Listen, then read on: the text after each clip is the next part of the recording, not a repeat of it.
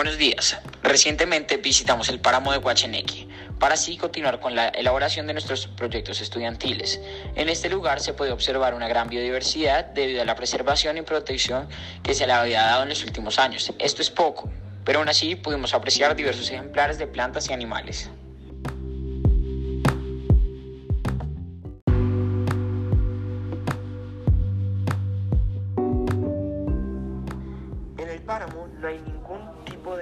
Construcción o infraestructuras que le hagan daño al ambiente.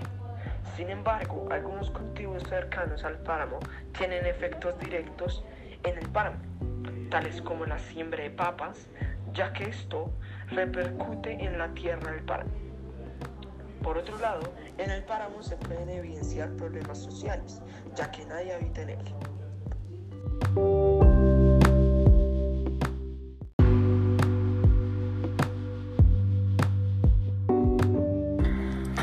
Asimismo, visitamos la Candelaria.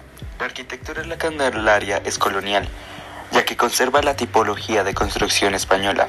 Originalmente, los españoles creían que el lugar tendría temporadas cálidas, pero eso, sus calles eran estrechas para generar sombra y así resguardarse del imponente sol. La arquitectura colonial se caracteriza por parlamentación colorida con tribunas y balcones elaborados en madera cubiertas o techos de teja de barro, y al interior de las casas, patios centrales con fuentes rodeados por numerosas habitaciones.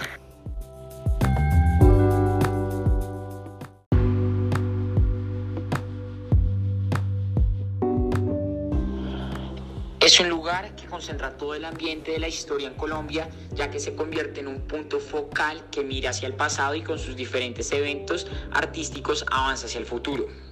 La Candelaria es un corredor cultural que sirve como escenario para el turismo, ya que contiene piezas claves de la cultura bogotana.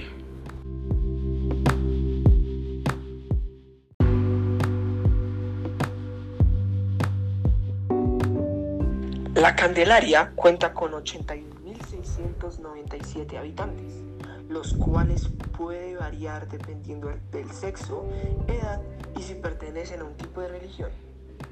En la Candelaria la sociedad es muy abierta y no hay ningún tipo de persona que predomine en esta.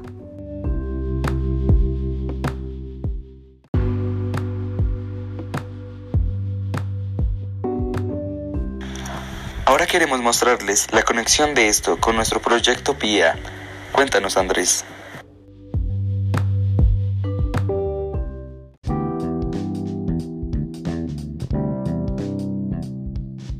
Claro que la comunidad LGTBIQ han sido directamente afectadas por diferentes problemáticas a lo largo del tiempo, tales como la discriminación, agresiones físicas y psicológicas las cuales pueden causar diferentes enfermedades mentales como la depresión, ansiedad y angustia. Asimismo, los índices de suicidio y de asesinatos hacia miembros de esta comunidad han aumentado drásticamente en esta comunidad, por lo cual se han convertido en una comunidad vulnerable.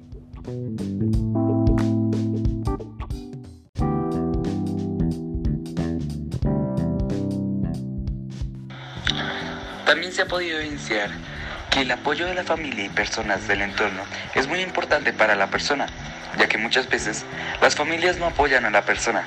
Gracias a este rechazo, la persona es propensa a sufrir ansiedad, depresión, pensamientos suicidas y autolesiones.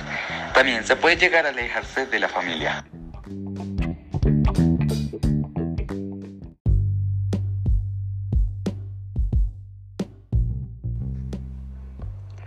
Queremos decirles cómo la comunidad LGBTIQ puede verse afectada en caso tal de que éstas vivieran en los dos escenarios diferentes, los cuales han sido establecidos anteriormente.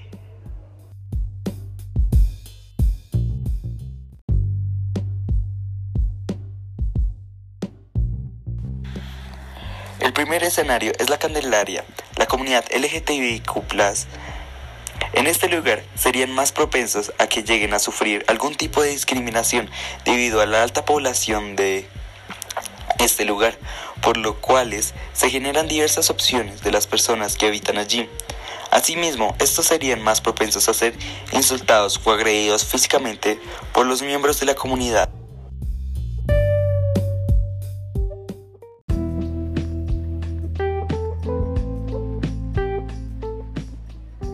Sin embargo, viviendo en esta, los miembros de la comunidad LGBTIQ tendrían mayor posibilidad de denunciar alguna agresión debido a su ubicación, lo cual en el páramo de Guachaneque sería lo contrario.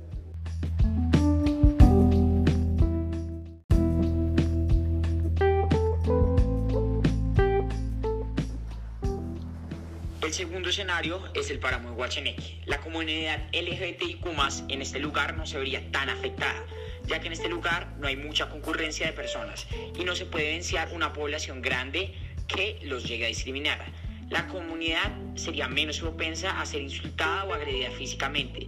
También hay que aclarar que los miembros de la comunidad LGBTQ en caso tal de ser discriminados o agredidos, no tendrían el no sería tan fácil para ellos hacer una denuncia debido a su la ubicación del páramo, la cual es muy lejanos, eh, la cual está muy lejana a lugares donde sea efectivo realizar una denuncia.